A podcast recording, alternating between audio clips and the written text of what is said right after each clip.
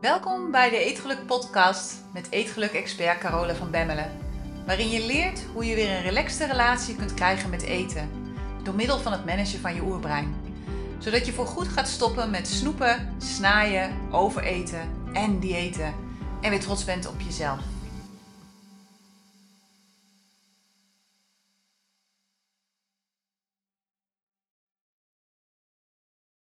Dag mooie vrouw. Als eerste natuurlijk een fantastisch, eh, ja, gelukkig, gezond, liefdevol, nou ja, alles wat we elkaar allemaal wensen 2023. En ik hoop vooral dat dit een heel fijn jaar gaat worden voor ons allemaal. Er is natuurlijk heel veel gebeurd de afgelopen jaren. En soms is dat ook helemaal niet erg, maar het is nu wel een keertje klaar. We moeten nu maar eens een keertje door. Ik vind dat het nu wel genoeg is geweest met al het gedoe.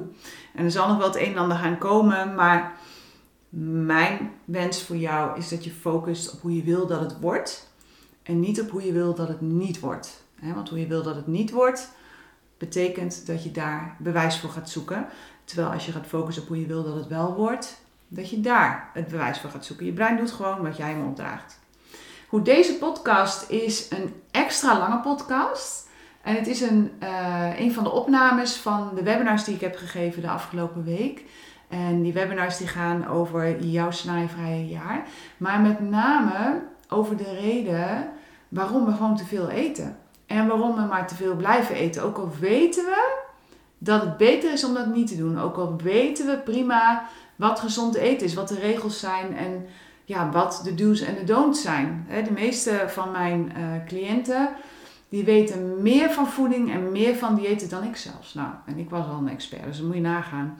Dus dat weten we allemaal wel, maar waarom doen we het dan niet? Waarom is het zo fucking lastig om gewoon maat te houden en om te stoppen als je vol zit en om verleidingen te weerstaan?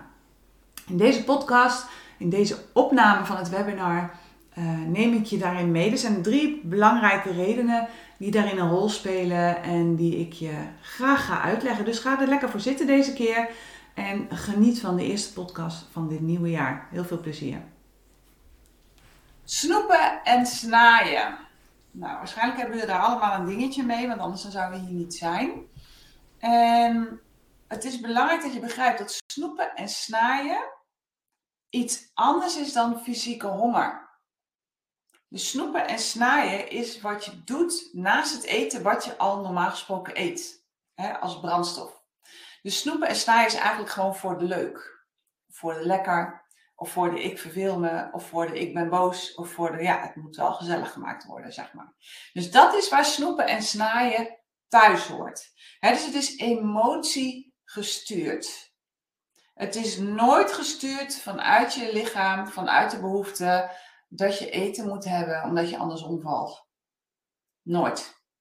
Het is altijd iets wat je doet terwijl je eigenlijk helemaal geen eten nodig hebt. En dat maakt het ook zo frustrerend. dat je het weet dat je het niet nodig hebt, maar dat je het toch blijft doen. En dat je achteraf denkt, ugh, had ik maar niet gedaan. Had ik maar gewoon eens sterk geweest. Had ik maar gewoon eens de verleiding weer staan. En waarom kan ik dat niet? En wat we daarna vervolgens doen, hè, we gaan snoepen en snijden om te dealen met dingen in ons leven, om te dealen met het feit dat we ons kapot vervelen voor de tv. Maar ja, dat is ook niet zo heel moeilijk, want er is ook niet heel veel kwalitatief goeds te zien meer op de tv. Het is allemaal behoorlijk uh, uitgehold en saai. En ja, op een gegeven moment word ik het dan in ieder geval zat. Uh, voor het feit dat we hartstikke druk zijn en onszelf aan alle kanten voorbij lopen, overal stress hebben, voor iedereen heel druk zijn, behalve voor onszelf. En om half vijf s'avonds denken, oh ja, ik ben er ook nog. Dan ga je ook zitten snoepen en snijden, hè, want dan heb je een momentje voor jezelf. Of overdag als je heel druk bent en als je dan even gaat zitten, alleen maar zo zitten, dat is ook zo wat. Hè. Dan moeten we wel een reden hebben om te zitten, dus dan gaan we maar snoepen of snijden of iets anders eten. Hè, dus snoepen en snijden is emotiegestuurd, het is een symptoom. En het is een manier om te dealen met dingen in je leven waar je eigenlijk niet mee wilt dealen. Het is eigenlijk een manier om te dealen met gevoelens die je niet wil voelen. En wat je vervolgens doet, als je dat maar een tijdje hebt volgehouden, het snoepen en snijden, dan ga je op dieet om dat gesnoepen en gesnaaid te compenseren. Nou, dat gaat natuurlijk helemaal niet goed, want anders zat je hier niet. Dus dat gaat gewoon helemaal niet goed. Dat gaat bij niemand goed. Ja, als je dik wil worden, dan moet je gewoon op dieet. Dat is heel simpel, goed recept. Als je dik wil worden, ga op dieet. Gaat geheid gebeuren. dus het punt is dat het mechanisme blijft als je niet begrijpt hoe het werkt. En we begrijpen niet hoe het werkt. Want daarom doen we het keer op keer op keer op keer op keer op keer. En je kunt er niks aan doen dat je niet begrijpt hoe het werkt, want je hebt nooit geleerd hoe het werkt. Ja, je hebt geleerd dat je op dieet moet. Maar dat is nou net niet wat je moet doen. Dat is gewoon niet handig. En dat werkt ook niet, want anders zat je hier niet. Dus diëten zijn niet de oplossing. Wat je veel beter kan doen, is gaan begrijpen waarom je snijdt. dus wat de verschillende redenen zijn van ons snijgedrag en hoe je dat op kunt lossen. Daar heb je meer aan. En dan ga je ook blijvende resultaten behalen en dan word je ook weer zelf baas over je eigen snoep- en snijgedrag. Baas over je hand en baas over je mond.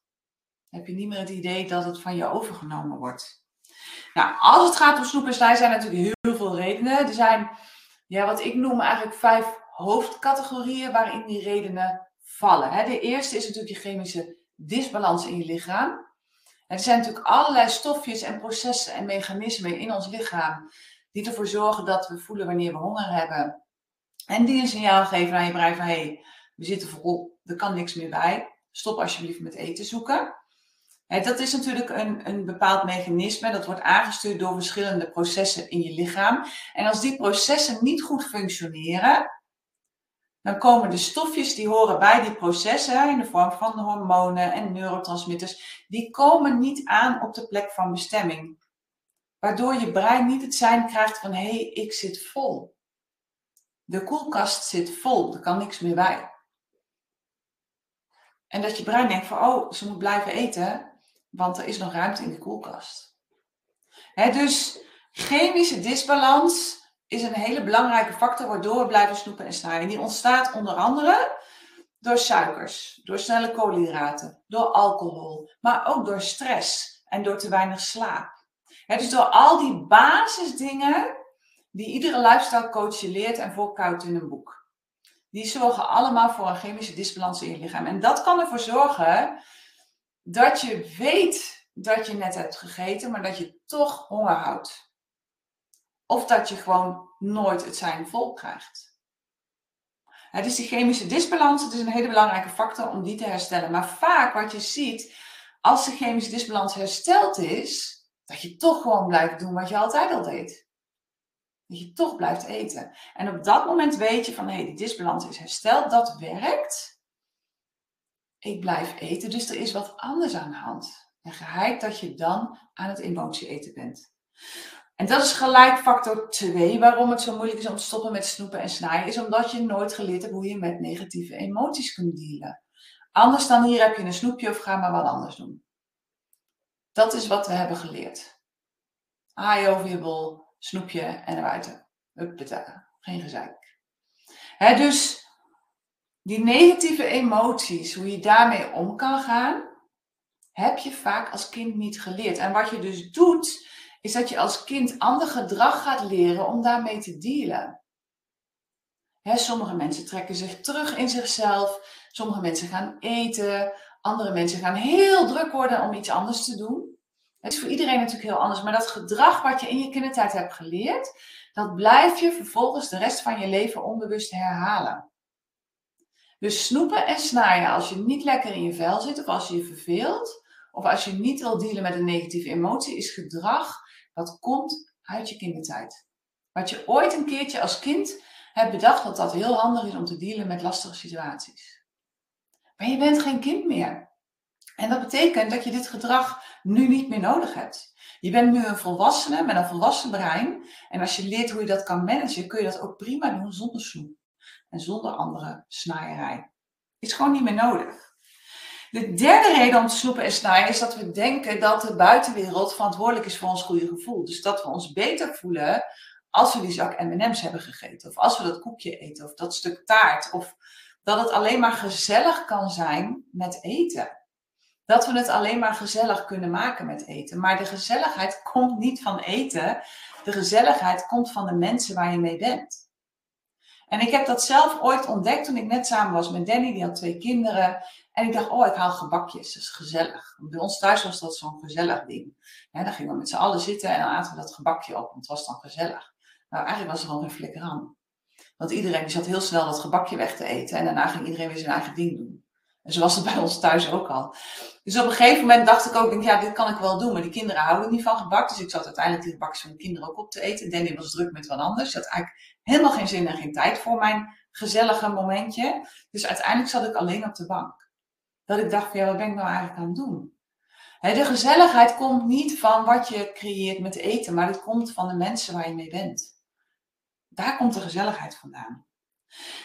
Vierde reden om te, om, waarom het zo lastig is om te snoepen en te snijden, en waarom we dus blijven snoepen en snijden, is omdat we bang zijn dat het heel saai wordt zonder eten. Dat we de boel op willen leuken met eten. Hoeveel dingen draai je niet om eten? Hoeveel vier momenten zijn er niet met eten? Het is gigantisch. We vieren dingen met een ijsje, met een taartje, met een etentje, met een borrel, met een high tea. Noem het op. Alles moet gevierd worden met eten. Dus op die manier hebben we eten gekoppeld aan actie en aan plezier en aan uh, dat er wat gebeurt.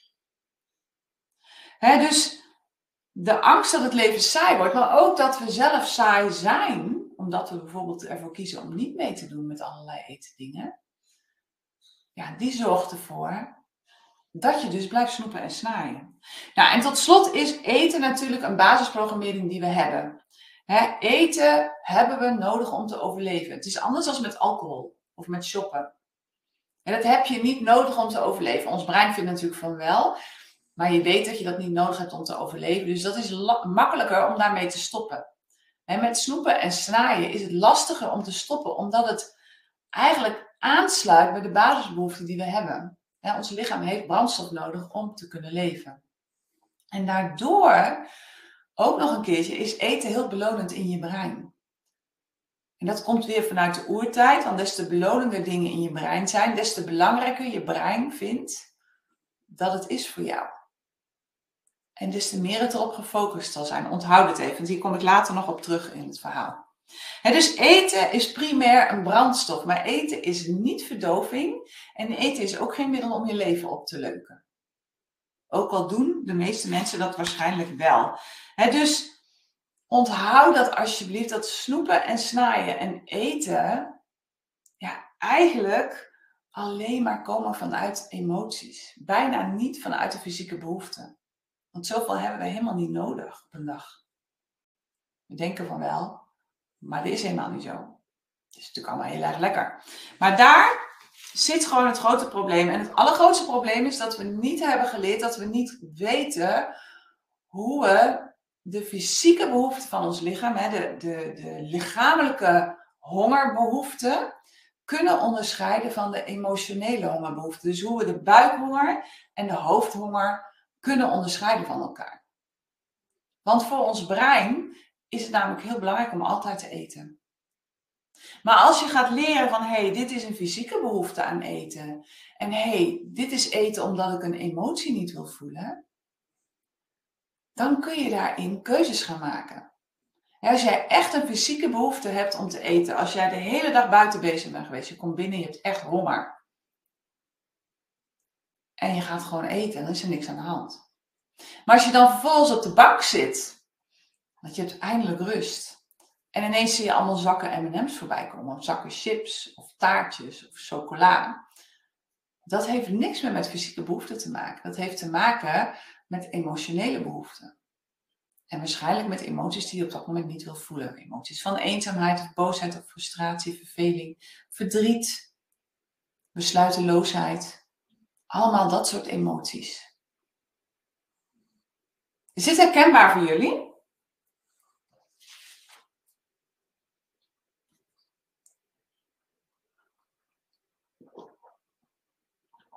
Tot zover zal er waarschijnlijk nog niet heel veel nieuws onder de zon zijn, denk ik. En maar geef mij eens aan, waarom eet je? Wat is voor jou de reden waarom je eet? En met name snoept en snijdt. Waarom ga je snoepen en snijden, denk je? zegt herkenbaar, Rineke zegt herkenbaar, Jacqueline. Ja, absoluut. Martine, voor jou is het nieuw, denk ik. Je zegt nee. maar geef eens aan waarom je snoept en snaait. In wat voor situaties ga je snoepen en snijden? Uit gewoonte, ja. Uiteindelijk wordt het een gewoonte. Hè? Onrust wegeten, vermoeidheid, lekker, verveling, spanning, angstdruk, moe, buikhonger. Hmm. Altijd vermoeid. Oké. Dus wat je ziet, wat je eigenlijk hier al ziet, is dat er bepaalde emoties zijn waaruit je gaat eten. Ik voel me alleen. Dus eenzaamheid, vermoeidheid, verveling. Kijk, wat had nog meer? Spanning, angst, beloning. En dat wordt uiteindelijk een gewoonte.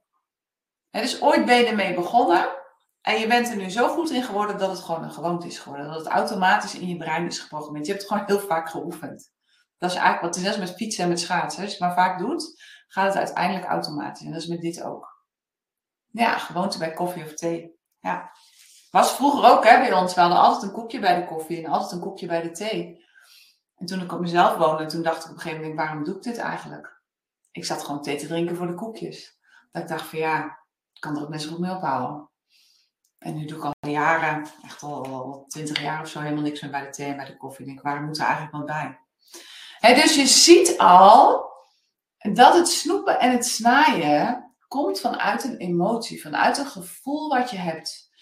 al het gedrag wat je doet, je eetgedrag, maar ook ander gedrag, komt altijd vanuit een emotie. En een emotie ontstaat altijd vanuit een gedachte die je denkt. Over jezelf, over je leven, over iets wat er speelt op dit moment. Altijd. En dat is goed nieuws, want over je gedachten ben je zelf de baas. Als je leert hoe je dat kan managen, dat stuk, dan wordt het leven echt anders. En de slimmers onder ons denken nou van, oh dat is makkelijk, dan denk ik gewoon een andere gedachten. Ja, in sommige gevallen lukt dat. Maar heel vaak lukt dat ook niet, want dit zijn gewoontes die je je hele leven al hebt geoefend. Dus het zijn ook gedachten die je je hele leven door al hebt gedacht. En vaak weten we niet eens welke gedachten ervoor zorgen dat wij een bepaalde emotie ervaren. Dus je zult je daar echt bewust van moeten worden. Dat moet je gaan trainen. Moet je gaan oefenen. Goed, er zijn twee manieren om te stoppen met snoepen en snijden. De eerste manier kennen we allemaal. Die kennen we allemaal. Dat is vanuit wilskracht. Dat is vanuit ik moet, ik zal en dit mag niet en het is niet gezond en het is niet goed en, en ik ben slecht en weet ik het wat. Dat is een dieet volgen. Dat is dieet denken. Dat is de eerste manier. Nou, die werkt niet, want anders zaten jullie hier niet. Dus ik zou zeggen, uh, stop daar gewoon mee. Dat heeft gewoon geen zin. Wilskracht werkt alleen maar tijdelijk. Dat werkt als jouw leven werkt, zeg ik altijd. Zodra je leven niet werkt, heb jij je wilskracht nodig om je leven weer op de rit te krijgen. Als er dingen gebeuren in de buitenwereld. Als er, voor, alleen al als je ruzie hebt gehad met je partner of met, met iemand die je dierbaar is. Dan heb je daar al je wilskracht voor nodig om dat op te lossen. In jezelf, met die persoon. Als dingen gewoon niet lekker lopen. Als je stress ervaart in de buitenwereld. En er is op dit moment natuurlijk heel veel gaan in de buitenwereld. Daar hebben we onze wilskracht voor nodig om dat op te lossen. En je hebt maar een kwartiertje wilskracht beschikbaar per dag.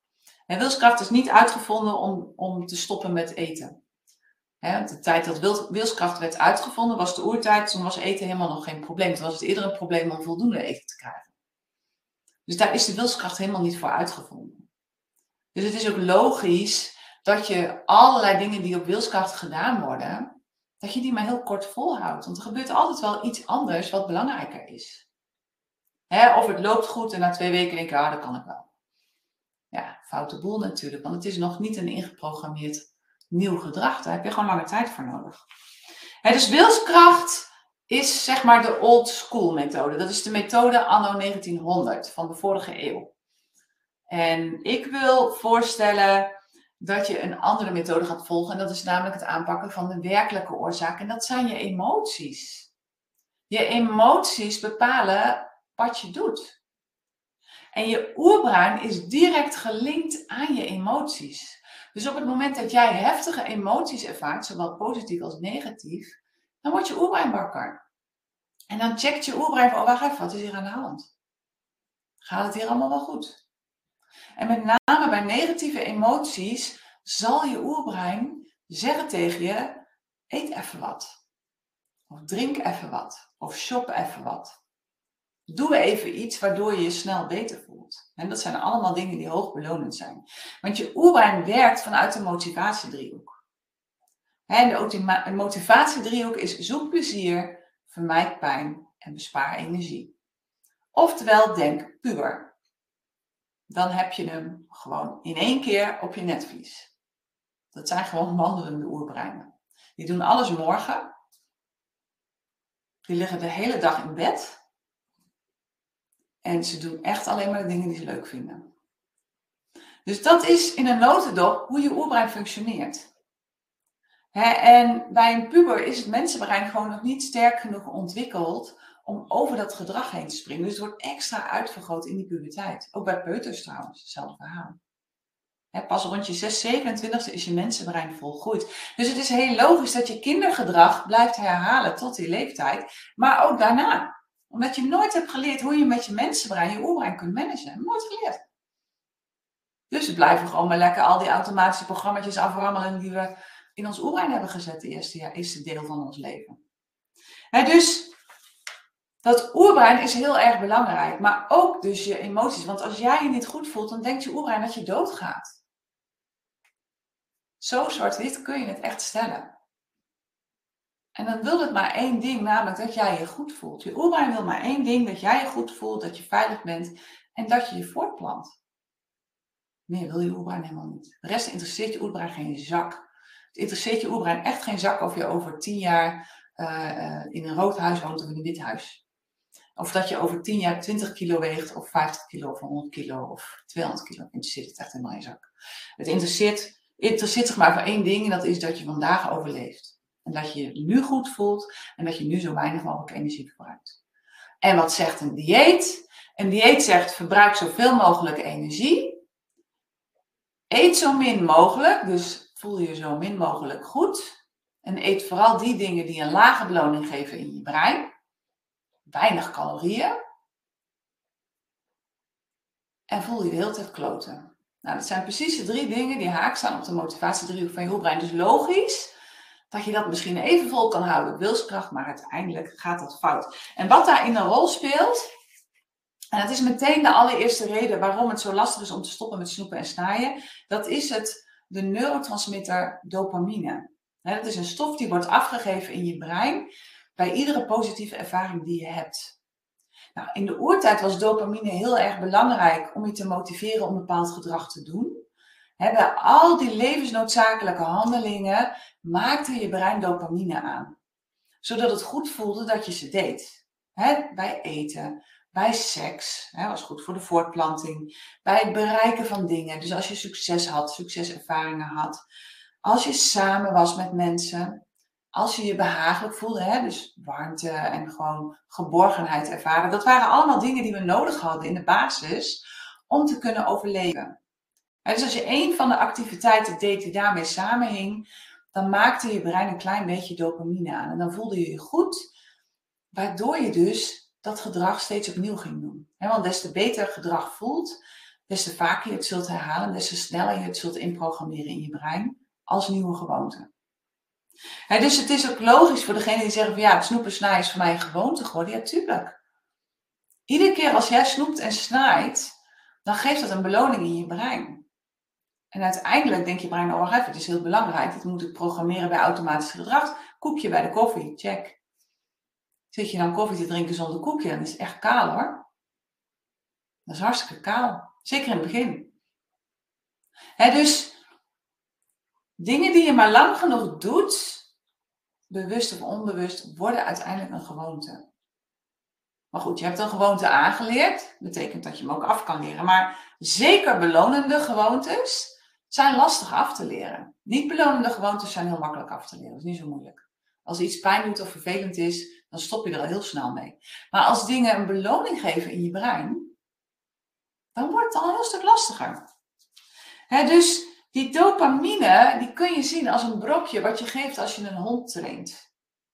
Iedere keer als jij goede dingen doet voor jezelf, krijg je een brokje, krijg je dopamine.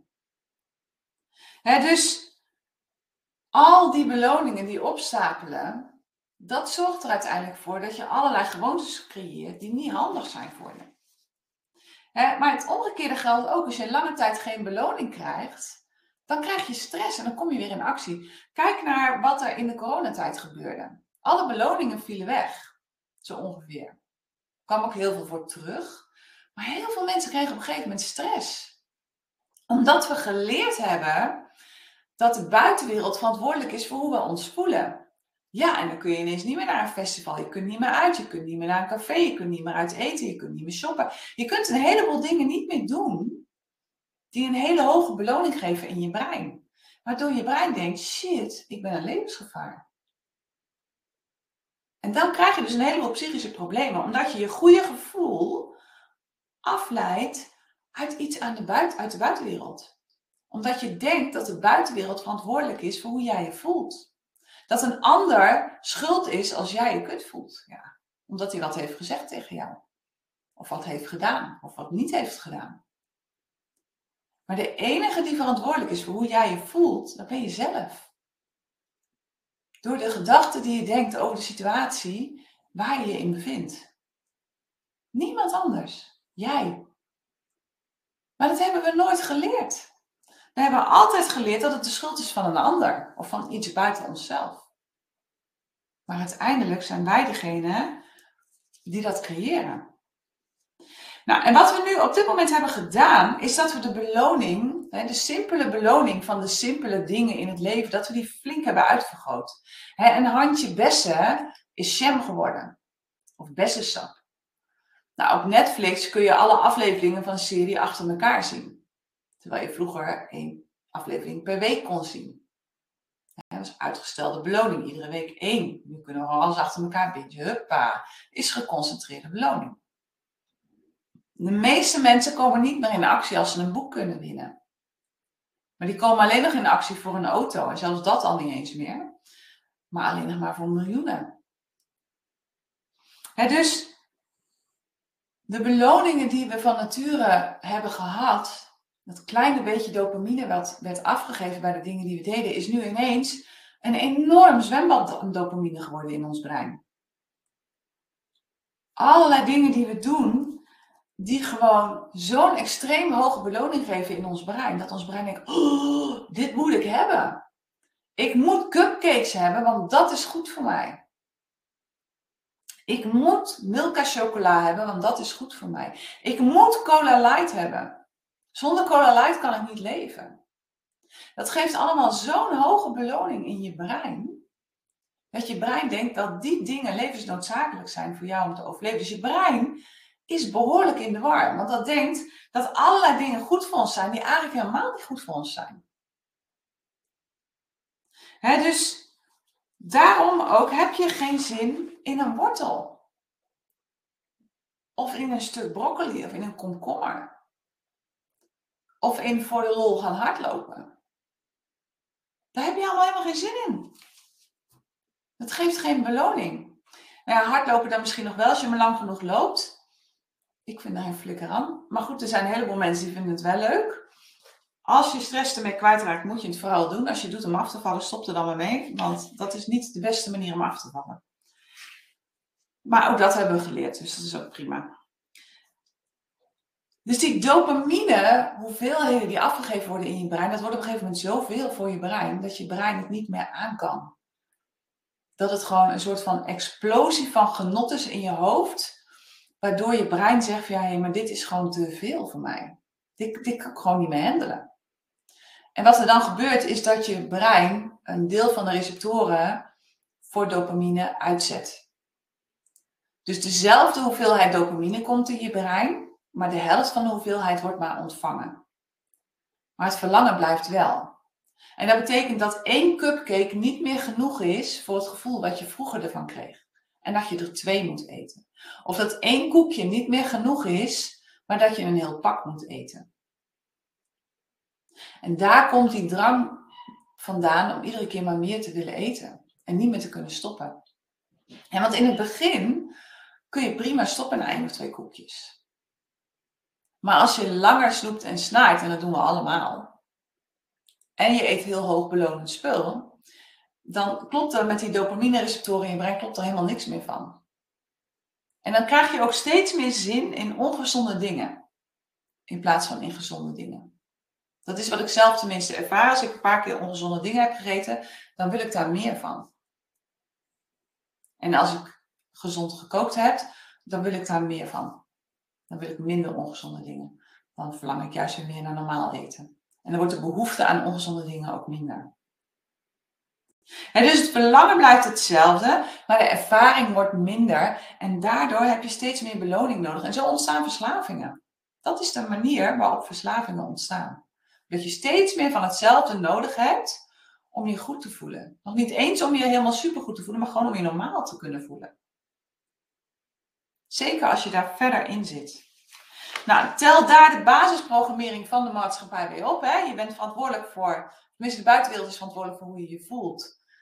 En je moet je de hele dag goed voelen. Je mag geen negatieve emoties ervaren. Alles moet perfect zijn. En als dat niet zo is, dan is er wat met jou aan de hand en ben je kapot. Ja, dan kun je al zien dat het het recept is voor ongeluk. Want dan betekent dat dat jij je niet goed voelt. Nou, dat mag niet. Dus dan moet je oplossen. En je gaat het dus oplossen met iets uit de buitenwereld.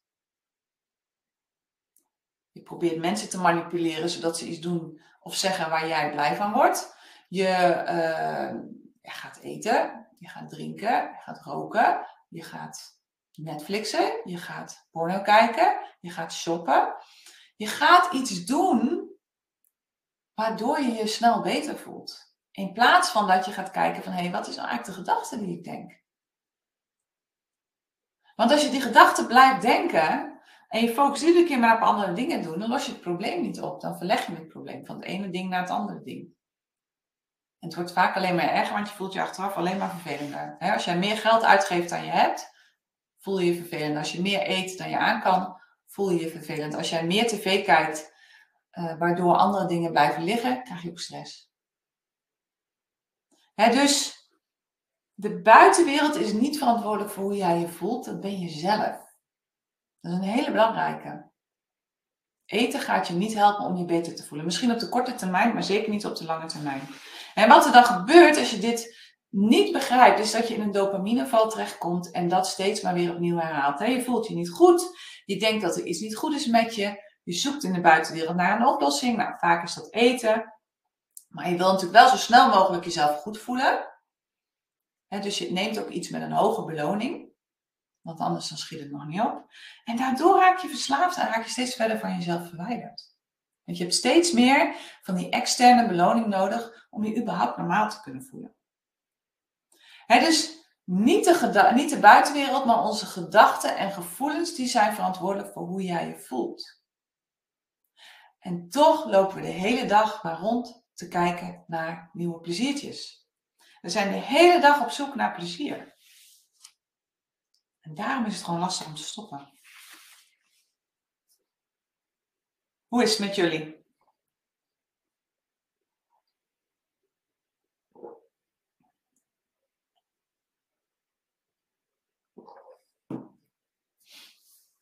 Hoe is het met jullie nu? Nu je dit gewoon weet.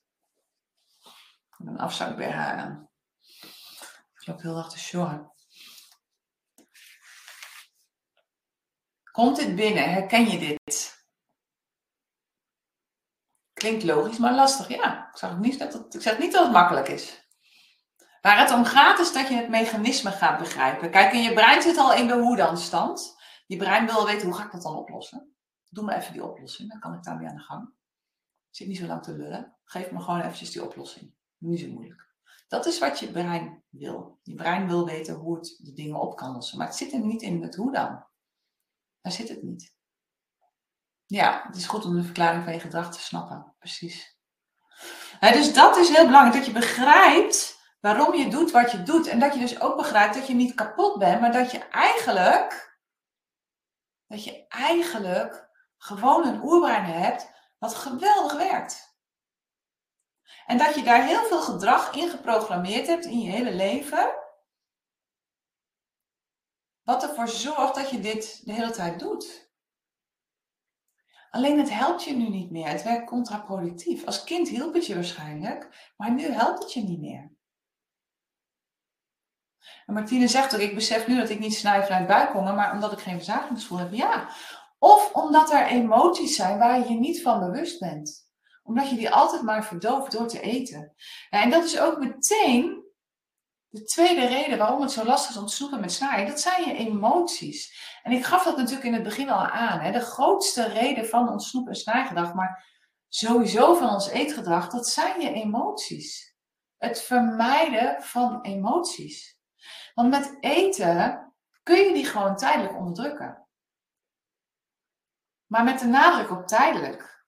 En wat het punt daarvan is, is dat je daardoor dus afhankelijk wordt van eten. Want iedere keer als je je niet goed voelt, dan moet je wat eten. en het punt is, het leven is 50-50.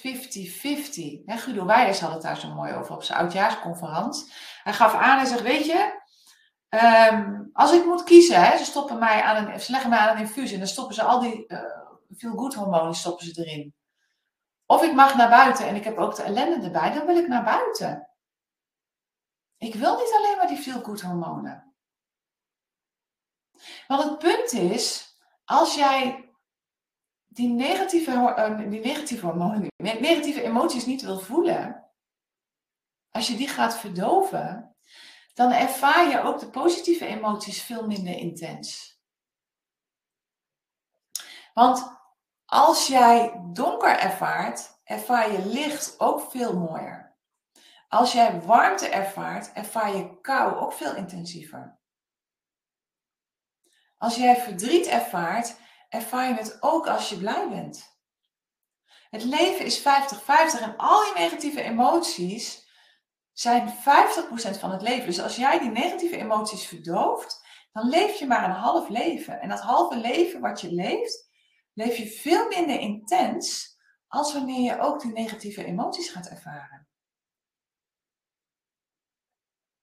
Dus dat is niet een handige manier. En het nadeel daarvan is ook nog een keer dat een emotie gevoeld wil worden voordat die kan verdwijnen. Dus als jij hem steeds maar verdooft en steeds maar daar een lage eten bovenop gooit, ja, op een gegeven moment is het niet meer te houden. Dan word je of ziek, of je wordt mentaal gewoon echt niet lekker meer. Of er gebeuren gewoon dingen in je leven dat je denkt, potverdomme nou nee. Want uiteindelijk komt het er gewoon uit. dus de reden waarom je overeet, komt door de gedachten die je denkt over de dingen in je leven, over jezelf. En de emoties die veroorzaakt worden door die gedachten. dus het gaat niet om wat je eet, maar het gaat om waarom je eet. Vanuit welke emotie maak jij je eetkeuzes? Waarom je eet bepaalt wat je eet. Als jij niet lekker in je vel zit, zul je ander eten kiezen dan wanneer je je supergoed voelt. Misschien kies je dan niet eens voor eten dus het gaat helemaal niet om wat je eet, maar het gaat om waarom je eet. Om hoe je je voelt wanneer je een eetkeuze maakt. En je gevoel is de reden waarom je doet wat je doet. En je gevoel wordt altijd gecreëerd door een gedachte die je denkt. En het punt is, we hebben nooit geleerd hoe dit mechanisme werkt. Dus de meeste gedachten die we denken, denken we allemaal onbewust. Dus we hebben allemaal onbewuste eetgedachten in ons hoofd. Het is één grote puinbak in ons hoofd. Je kunt ons hoofd echt voorstellen als een huis wat propvol ligt met zooi. Dat is hoe ons hoofd eruit ziet, van binnen. Want we hebben nooit geleerd hoe we al die gedachten kunnen ordenen. Welke gedachten we eruit kunnen gooien die we niet meer nodig hebben. Welke gedachten we erin kunnen zetten die we wel willen hebben, die ons helpen om de nieuwe versie van onszelf te creëren. Hebben we allemaal helemaal nooit geleerd. Dat is ook het werk wat we doen in de Eetgeluk Universiteit. De Eetgeluk Universiteit is het membership programma wat ik heb voor vrouwen die zeggen van hé, hey, ik wil echt dat proces aangaan. Ik wil gewoon stoppen met diëten. Ik wil een relaxe relatie met eten en met mezelf. En ik wil mijn leven creëren zoals ik dat wil. Ik wil me first gaan leven. Dat is wat we doen in de Eetgeluk Universiteit. Ik ga stoppen met dieetdenken. Ik ga leren hoe ik mijn brein kan managen. En ik ga kiezen voor mezelf. Me first. En vanuit daar ga ik goed voor mezelf zorgen. En dan wordt het een feestje. Dan is het geen strafkamp meer. Als ik ervoor kies om de suikers te laten staan. Of als ik ervoor kies om meer te gaan sporten. Dan wordt het leuk. Dan doe ik het omdat ik het leuk vind om te doen. Niet omdat ik af wil vallen.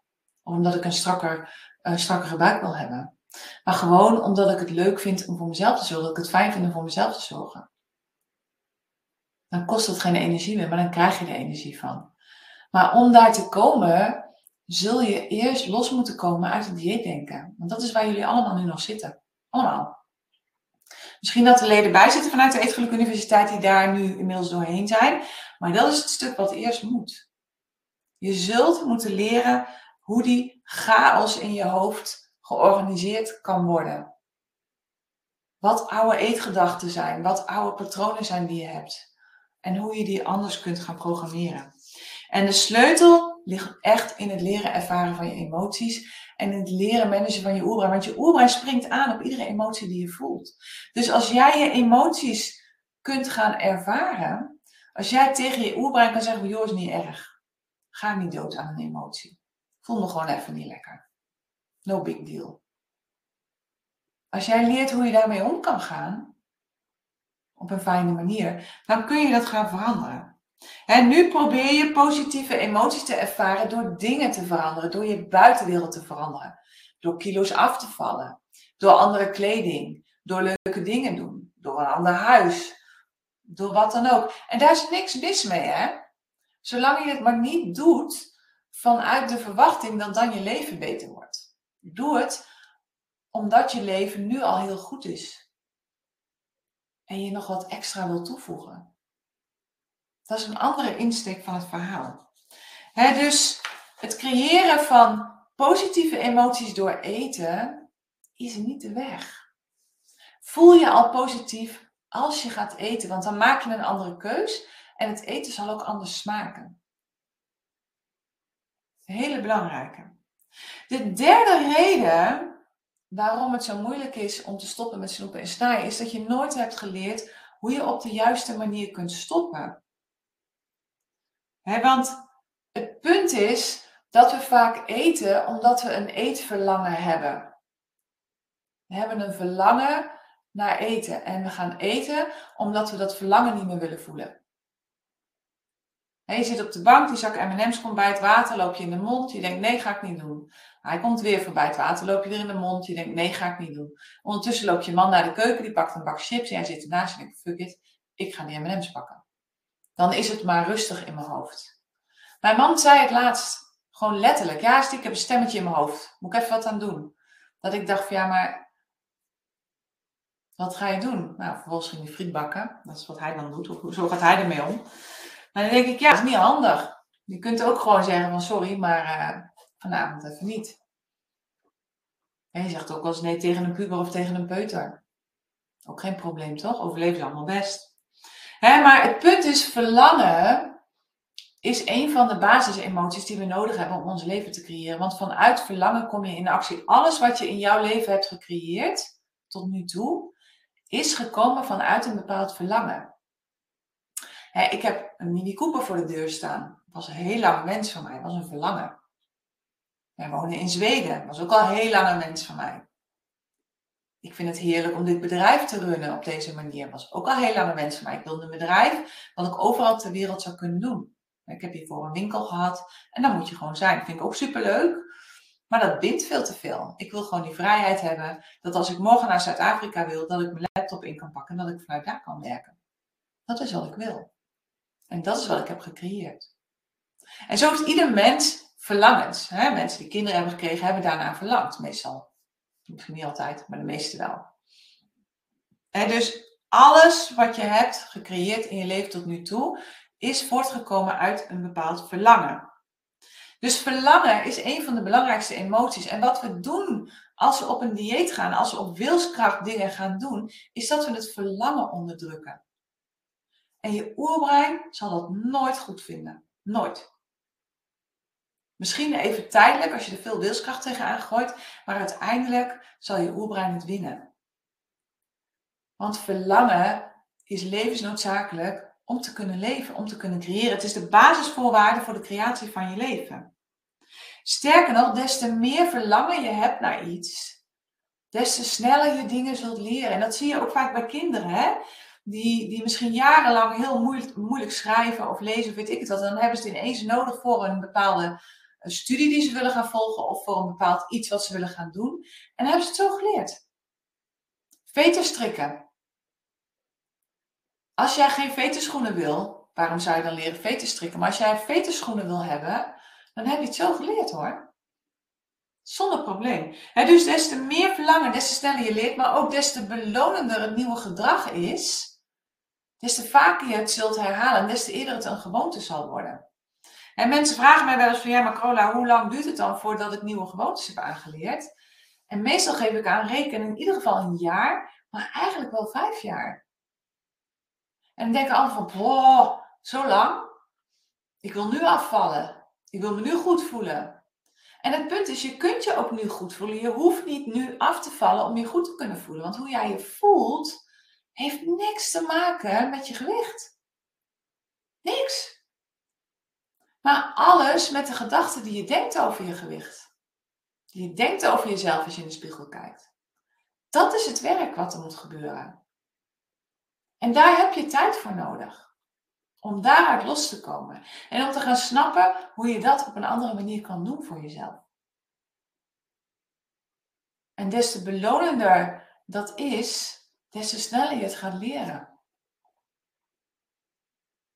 Snap je?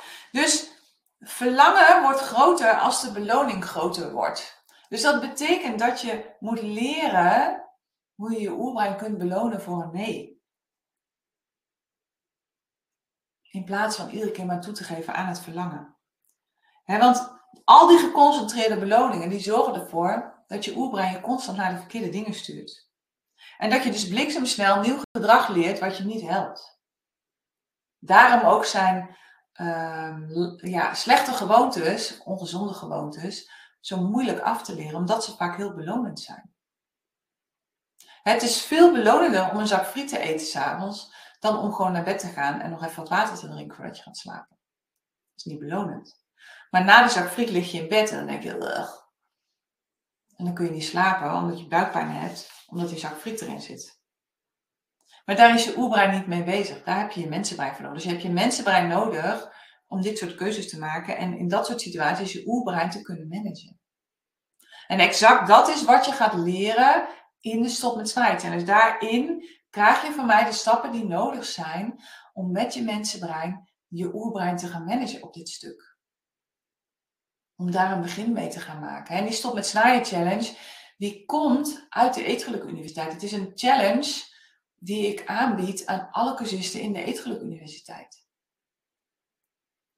Als een van de stappen die je kan zetten naar een relaxte relatie met eten. En alleen deze maand januari is die ook open voor mensen die niet lid zijn. En dus mocht je hier meer van willen weten, mocht je willen leren hoe je dit kan doen, doe dan mee. Als het goed is, staat boven de chat staat een, een link waar je op kan klikken. En dan vind je alle informatie, kun je je aanmelden. En die maand januari doen we het samen. En mocht je na die maand zeggen van, hé, hey, ik wil hier meer van weten. Ik wil weten hoe ik dit zodanig kan doen dat ik echt blijvende, duurzame resultaten creëer voor mezelf. Dan kun je besluiten of je aanhaakt aan de Eetgeluk Universiteit, ja of nee. Of je gaat gewoon zelfstandig verder. Dat kan natuurlijk ook. dus je kunt daarin gewoon echt op een hele laagdrempelige manier kennis maken met de manier waarop ik werk. En kijken of dat past bij jou. En gewoon eens gaan snuffelen en ruiken en kijken van, hé, hey, wat is het nou eigenlijk? Hoe doet ze dat? Vind ik dat wat dan mens? Misschien vind je het wel helemaal niks. Maar op die manier kom je er wel achter. en wat ik wil uiteindelijk voor iedereen is dat je gaat van oververlangen en overhonger en overeten en overgewicht naar een gezond verlangen en een gezonde honger en gezond eetgedrag en een gezond gewicht. Dat je die shift gaat maken voor jezelf. En dat je die dopamine receptoren in je brein gaat resetten, waardoor ze weer normaal gaan functioneren. En niet zo achterlijk veel allerlei ja, ongezonde zooi nodig hebt om je überhaupt goed te voelen. En je er ook veel minder toe aangetrokken gaat voelen, want dat is natuurlijk ook een ding. Ik wil dat je gaat leren hoe je emoties kan managen. En ik wil dat je gaat leren om vanuit compassie dit te doen voor jezelf.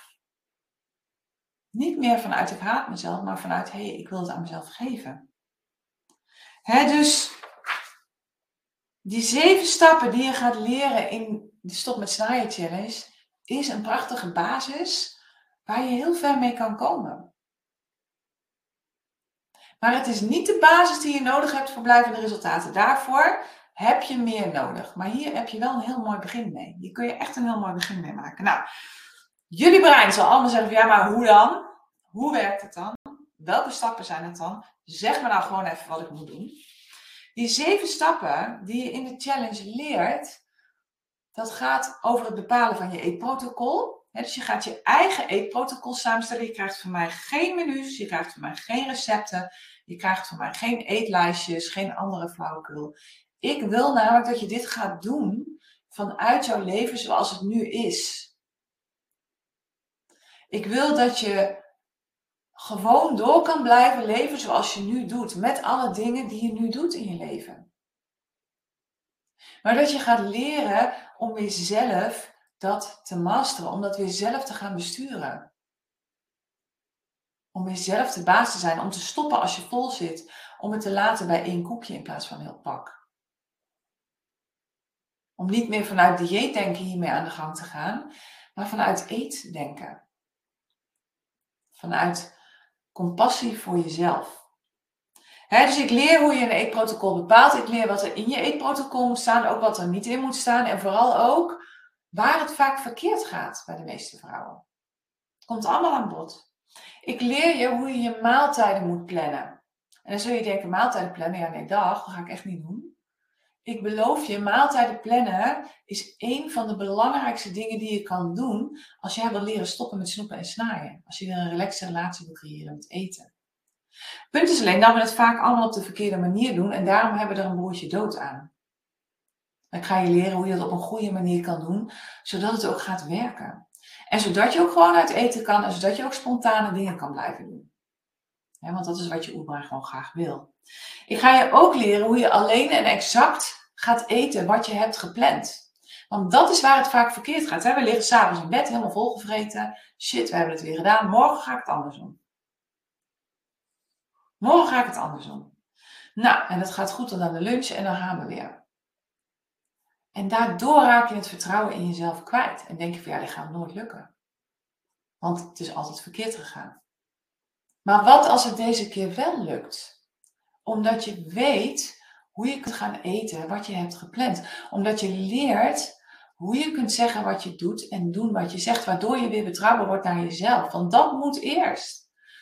Zolang jij geen vertrouwen hebt in jezelf, gaat het je nooit lukken om af te vallen. Nooit. Gaat gewoon niet lukken. Dan ga je van het ene dieet naar het andere dieet en dan moet een ander het voor jou oplossen. Maar het gaat om dat je het zelf gaat doen. Vertrouwen in jezelf is de sleutel. Ik ga je leren hoe je je eetverlangens kunt voelen in plaats van weg te eten. Hoe je dat kan doen. Dus hoe je al die emoties waar je nu voor in de, in de koelkast duikt of in de voorraadkast of ergens anders, hoe je die er gewoon kunt laten zijn zonder dat je daaruit gaat handelen. Hoe je je boos kan voelen zonder dat je boos bent, boos doet. Hoe je je verdrietig kan voelen zonder dat je dat wil verdoven. Maar het gevoel er gewoon kan laten zijn. Ik ga je leren hoe je je oerbrein voor een nee kunt belonen. Want je oerbrein houdt niet van nee. Je oerbrein wil alleen maar ja. Maar hoe kun je die nee nou laten voelen als een ja? Ga ik je leren. En ga je leren om te kijken naar wat heb ik nou werkelijk gegeten vandaag? Wat heb ik gedaan vandaag? Heb ik me aan mijn planning gehouden? Ja nee? Oké, wat was er aan de hand? Hoe kan ik dan de volgende keer anders doen? Zodat je uiteindelijk duurzaam nieuw gedrag gaat ontwikkelen. Dat is alles wat we gaan doen in de challenge. En op het moment dat je dat gaat oefenen, de hele maand januari gaan we dat doen. Het zijn uh, allemaal video's die je kan kijken.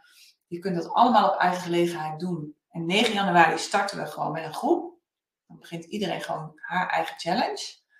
En daarin is iedere week een live QA-sessie waar je vragen kan stellen, waar ik eventueel coach als er ruimte voor is. En ik begeleid je stap voor stap door het programma heen. Je mag me ook altijd mailen met vragen, is ook geen enkel probleem. En samen gaan we dit gewoon doen. Dus je ontvangt de hele maand januari de coaching, die ook de leden van de Eetgeluk Universiteit ontvangen. dus ja, een no-brainer lijkt mij. Maar goed, dat is aan jou om te bepalen. Maar als je hiermee aan de gang wil, is dit gewoon een hele mooie start. En na die maand kun je voor jezelf kijken van, ga ik verder op eigen houtje of ga ik verder in de Eetgeluk Universiteit? En die keuze kun je dan gewoon heel gefundeerd maken, want dan weet je wel of dit werkt, ja of nee. En of dit is waar jij mee door wil.